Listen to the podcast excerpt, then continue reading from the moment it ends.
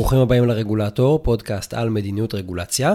אני גיא מור, והיום נשאל מה ההשפעה של הרגולציה על התחרות בין הבנקים לבין חברות הפינטק. סטארט-אפ חדש רוצה לעזור לכם להתנהל יותר נכון מבחינה כלכלית.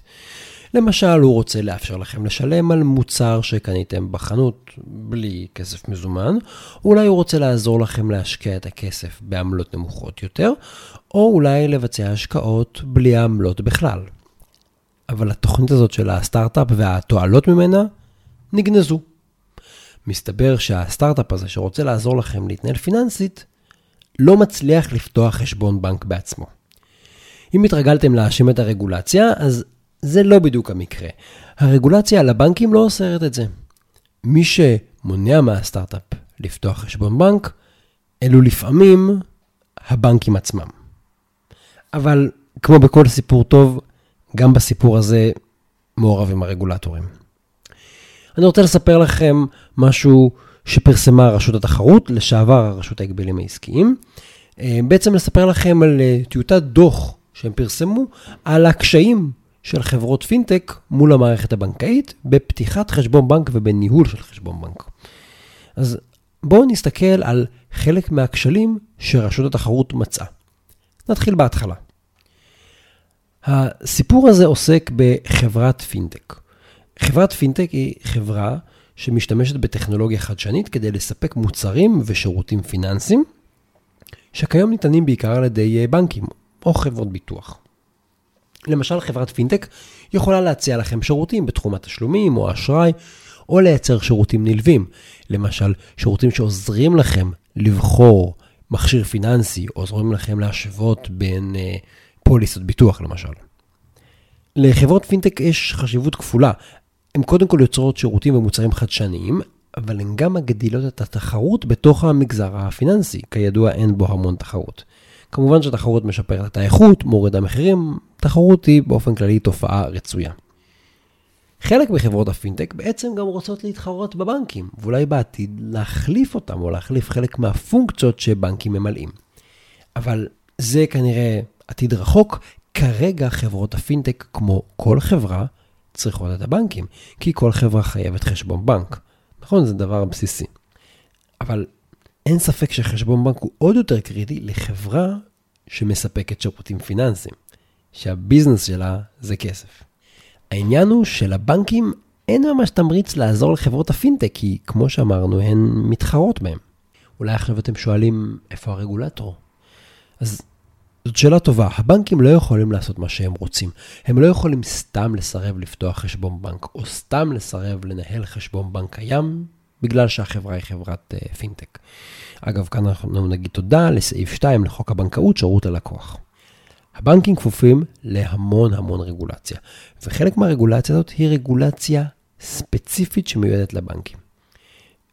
אגב, רק כדי לסבר את האוזן למפות לכם, יש רגולציה שמגיעה מכיוון המפקח על הבנקים, שהוא הרגולטור המרכזי שלהם, אבל יש עוד כמה רגולטורים שחשוב להכיר, כמו למשל רגולציה של רשות ניירות ערך, שעוסקת גם בתאגידים ציבוריים, והבנקים הם תאגידים שנסחרים בבורסה, וגם בכל מי שעוסק בייעוץ ושיווק של ההשקעות, וגם את זה הבנקים עושים.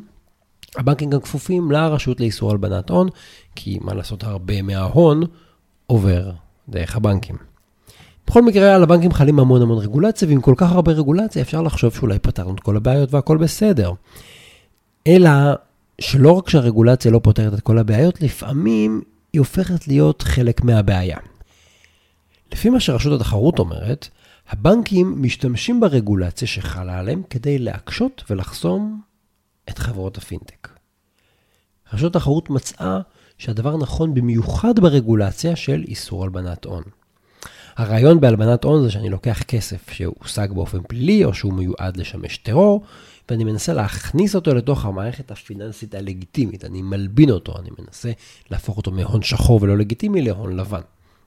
למשל, רגולציה של הלבנת הון מחייבת את הבנקים לוודא שהלקוחות שלו לא משתמשים בחשבון הבנק למטרות של הלבנת הון. נכון? נשמע הגיוני. כשמישהו רוצה לפתוח חשבון בנק, או לבצע פעולה בחשבון, הבנקים נדרשים לבצע כל מיני בדיקות, ולקבוע גם מגבלות כדי שהחשבון לא ישמש להלבנת הון.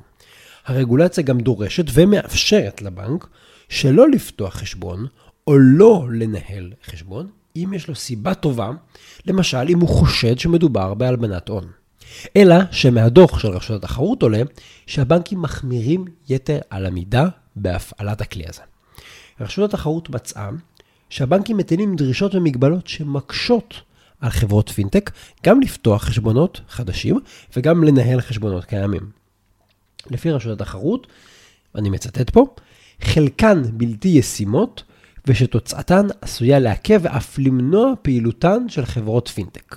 סוף ציטוט. בקיצור, רשות התחרות מצאה והיא אומרת שהבנקים משתמשים ברגולציה של איסור הלבנת הון כדי למנוע או להקשות על חברות פינטק לעשות את הפעולה הכי בסיסית של פתיחת חשבון בנק. עכשיו יותר מזה, הרשות מצאה שהבנקים מתנהלים כמו רגולטור על חברות פינטק. מה הכוונה? גם אם חברות הפינטק עומדות בהוראות של הרגולציה, עדיין הבנקים מייצרים עבורם הוראות נוספות. הרשות גם מצאה שחלק מהדרישות של הבנקים מחברות הפינטק לא מידתיות. זאת אומרת, הן מוגזמות. לפי מה היא קובעת את זה? היא אומרת למשל שהרבה פעמים הבנק קובע דרישות שמתעלמות מהעובדה שכבר יש רגולציה קיימת. למשל, אם חברת פינטק קיבלה רישיון מרגולטור, או קיבלה אישור לפי צו איסור הלבנת הון, אז כבר יש רגולציה שמטפלת בנושא, או רגולציה כללית, או רישיון, או החברה עברה בדיקה ונמצא שהיא נקייה.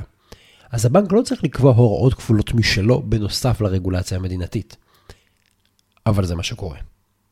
ואם זה לא מספיק, רשות התחרות גם מצאה שחלק מהדרישות בכלל אי אפשר ליישם. זאת אומרת, זה לא סתם קשה. היא אומרת, אתם דורשים דברים שהם בלתי אפשריים. אני מתבסס פה המון על הדוח של רשות התחרות, אז צריך להגיד, יכול להיות שהבנקים פשוט מעדיפים להימנע מלקחת סיכונים, שזה אגב תופעה שמזכירה רגולטורים מסוימים, ויכול להיות שנוח להם להחמיר, כי ככה הם מצמצמים תחרות. אני לא בטוח שכולם כאלה מרושעים ולכולם יש תוכניות כאלה מתוחכמות. חוץ מהדרישות המכבידות שאולי לא ישימות, יש גם עניין של דרישות שכן אפשר ליישם, אבל המשמעות שלהן היא כבדה מאוד. למשל, רשות התחרות מצאה שלפעמים הבנקים דורשים כתנאי לפתיחת חשבון או לנהל אותו, הם דורשים שחברת הפינטק תמסור לבנק מידע תחרותי רגיש, וגם תיתן לבנק סמכות לאשר מראש כל מיני פעולות שהחברת הפינטק רוצה לעשות. למשל, חברת הפינטק רוצה למנות נושאי משרה, זאת אומרת בעלי תפקידים בכירים, או למשל, לשנות שינויים בתוכנית העסקית שלה. והבנק אומר, אם את רוצה לנהל אצלך חשבון בנק, אני רוצה לאשר לך שינויים בתוכנית העסקית. זה כבר באמת נשמע יותר מדי, וכאן רשות התחרות אומרת, זה מעורר חששות לפגיעה בתחרות, כי אם הבנק גם מתחרה בחברה, והוא גם רוצה מידע תחרותי רגיש שלה, וגם רוצה אפשרות לקבל זכות וטו או לאשר פעולות שונות אצל החברה, זה מקפיץ את רשות התחרות. למען ההגינות, חשוב לציין שהרשות גם מציינת בטיוטה שלה, שהיא לא מצאה ראיות לכך שההתנהלות של הבנקים היא במטרה לפגוע במתחרים שלה. אבל מצד שני הרשות אומרת שנראה שלבנקים גם מאוד מאוד נוח לייצר סביבה שמקשה על חברות הפינטק לפעול ואפילו לעשות דברים כל כך בסיסיים כמו לפתוח חשבון בנק. אני אגיד לכם אבל מה הדבר המדהים פה. הדבר המדהים פה שכל החסמים שראינו עד עכשיו מתייחסים רק לפתיחה ולניהול חשבון. זאת אומרת, זה הדבר הכי הכי בסיסי. ומאוד מאוד סביר להניח שלפחות חברות הפינטק צריכות עוד שירותים פיננסיים, גם מבנקים וגם ממוסדות אחרים. למשל, ארנקים של מטבעות דיגיטליים להכניס אותם לחשבון, למשל מסחר בניירות ערך, למשל חיבור לבורסה ולברוקרים. וזה אומר שייתכן שגם בשירותים האלה, היותר מתוחכמים, הם מתמודדות עם עוד חסמים בשלבים נוספים של הפעילות שלהם, מול הבנקים ומול שחקנים פיננסיים אחרים. אז את זה אנחנו לא יודעים, כי הדוח של הרשות לא מתייחס לזה, אבל אפשר להניח שהתופעה הזאת קיימת בעוד שירותים פיננסיים. טוב, אז מה אנחנו יכולים לעשות כדי לשפר את המצב? האמת, שכאן מאוד קל לספר לכם מה רשות התחרות פרסמה, כי היא אומרת ממש כמה המלצות שלדעתה יכולות לעשות שיפור משמעותי. אני אתייחס לארבע הצעות מרכזיות. ההצעה הראשונית שלהם היא לזרז ולפשט את הליך מתן הרישיונות. כאן הכוונה היא לרישיונות של רשות שוק ההון נותנת. בעצם, היום מרבית השחקנים שפועלים בתחום הפיננסי היו שם לפני שרשות שוק ההון קיבלה סמכות לתת רישיון. ולכן, השחקנים האלה שקיימים מלפני, אין להם רישיון, יש להם מה שנקרא אישור המשך עיסוק. אישור להמשיך לעשות מה שהם עשו לפני שרשות שוק ההון התחילה לחלק רישיונות. זה אישור שמאוד מאוד קל לקבל, הוא לא מצריך בדיקה מקדימה, כי הוא נועד לאפשר לשחקנים הקיימים להמשיך להתגלגל. עכשיו, מבחינת הבנקים, המעמד של האישור הזה, הוא נתפס כנחות בהשוואה לרישיון. עכשיו, מה שקורה בפועל זה שיש גופים ותיקים שיש להם את האישור להמשך עיסוק, ויש גופים חדשים שקיבלו רישיון. אבל הגישה של הבנקים אומרת שגם מי שיש לו אישור, מסתכלים עליו בעין קצת עקומה. עכשיו, מהצד של רשות שוק ההון, המשמעות היא שהשחקנים החדשים צריכים כן לעבור תהליך של רישוי, והוא לוקח זמן. אז רשות התחרות אומרת, כדאי להאיץ תהליך מתן הרישיונות לשחקנים חדשים. נקודה השנייה היא די פשוטה, הם מציעים לקדם צו איסור הלבנת הון של נותני שירות בנכס פיננסי ורכזי הצעה. בעצם הרעיון פה להעביר צו שיחיל את הרגולציה של איסור הלבנת ההון על חברות הפינטק. עכשיו אולי נשמע לכם קצת מוזר, אם רשות התחרות אומרת שחברות הפינטק נחנקות ואפילו לא יכולות לפתוח חשבון בנק, אז איך תוספת רגולציה בכלל תעזור להם? אז התשובה היא פשוטה. אם יחילו עליהם את הרגולציה, בעצם יישרו קו, תחול עליהם רגולציה כמו שחלה על יתר השחקנים הפיננסיים, זה יקטין את הסיכון להלבנת הון, וגם יקטין את הסיכון לבנק, שאולי הוא מפחד שחברת הפינטק היא בעצם כסות להלבנת הון. ואז בעצם יהיה לבנק יותר קל לנרמל את מערכת היחסים שלו ואת השירות שהוא נותן לאותן חברות פינטק. זה הרציונל. ההצעה השלישית היא לגבש פרקטיקות נאותות ודגלים לבנים. אחד הדברים שיכולים לעזור לחברות הפינטק הוא לייצר ודאות לגבי אילו פעילויות לגיטימיות ואילו לא. אם חברות הפינטק ידעו מה נחשב בסדר, איך הם ידעו איך להתנהג כדי להפחית את הסיכון עבור הבנקים ולהפחית את הסיכון שהבנקים יקשו עליהם, אז הם יפעלו, יפעלו ככה. ואז הבנקים בהתאם יקלו על אותן חברות. נכון, זה הגיוני, הם יגידו לי איך להתנהג כדי להיחשב ילד טוב, אני אוכל לעשות את זה, ואז באמת יהיה לי חיים יותר קלים. ולכן רשות התחרות ממליצה להקים צוות בין-משרדי, לגבוש פרקטיקות נאותות, וגם דגלים לבנים עבור הבנקים. דגל לבן, זאת אומרת, דגל שחור אני מרים אותו ואני מסמן שיש בעיה, דגל לבן, כשאני מנפנף אותו, כולם רואים שאני בסדר, הכל לבן, הכל נקי, הכל טוב. ואז בעצם, אם יהיה לנו את זה, נוכל להקל על הפעילות גם של הבנקים וגם של חברות הפינטק, וככה גם נפחית את הדרישות וההגבלות של הבנקים וחברות הפינטק. עכשיו שימו לב, גם בהמלצה הזאת וגם בהמלצה השנייה אומרים, אנחנו מבינים שעל הבנקים יש כל מיני רגולציות, ולכן אנחנו צריכים לעזור להם לשחרר. אז בואו נעזור להם, לא רק נדרוש מהם. באמת נראה להם שרמת הסיכון של חברות הפינטק יותר נמוכה. נקודה רביעית של רשות התחרות, היא אומרת בואו ניתן אפשרות לגופים שהם לא בנקים להתחבר ישירות למערכת זהב. מערכת זהב, זה ראשי תיבות, היא מערכת פיננסית של בנק ישראל לביצוע תשלומים בזמן אמת. אולי עשיתם פעם העברת זהב, העברה בזמן אמת בין בנקים. למעשה ההמלצה הזאת היא חלק ממגמה בכלל שמתרחשת בעולם, לאפשר הרבה יותר גישה לפתוח את מערכות התשלומים גם לגופים שהם לא בנקים. אם לחברות הפינטק תהיה גישה ישירה למערכת הזאת, או גישה באמצעות גוף שהוא לא בנק, אז אנחנו נפחית את התלות של חברות הפינטק בבנקים. רשות התחרות ממליצה שבנק ישראל יאפשר חיבור ישיר למערכת הזהב, גם לגופים שהם לא בנקים. זאת אומרת, גם אם זה לא לפינטק עצמם, אבל למצוא מישהו שיכול להיות הפרוקסי שלהם.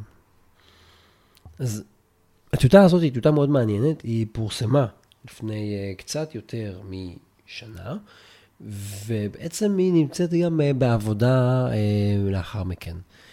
אז uh, אם אתם רוצים להבין יותר טוב מה קורה בשוק ההון ובשוק הפיננסי ואיך חברות הפינטק um, מתנהלות בתוכו, אני ממליץ לכם להיכנס לאתר regulator.online, יש שם לינק לטיוטת הדוח, וגם תוכלו לראות את המקורות האחרים שבהם השתמשתי, כי יש שם באמת צלילה, אפשר דרך הדוח הזה ללמוד המון המון על איך שעובדת המערכת הפיננסית, גם מנקודת המבט של הבנקים וגם מנקודת המבט של הרגולטורים האחרים שהיו חלק מהתהליך הזה. אז זהו, עד כאן להיום, תודה, אני גיא מור. אני רוצה להגיד תודה רבה לגל דרעי מרשות התחרות, שסייע לי בכתיבת הפוסט. Uh, כמו תמיד, מוזמנים להיכנס לאתר האינטרנט, לפייסבוק, לטוויטר, לטלגרם, לקבל עדכונים באופן ישיר. תודה רבה, התכנים משקפים את דעותיי בלבד.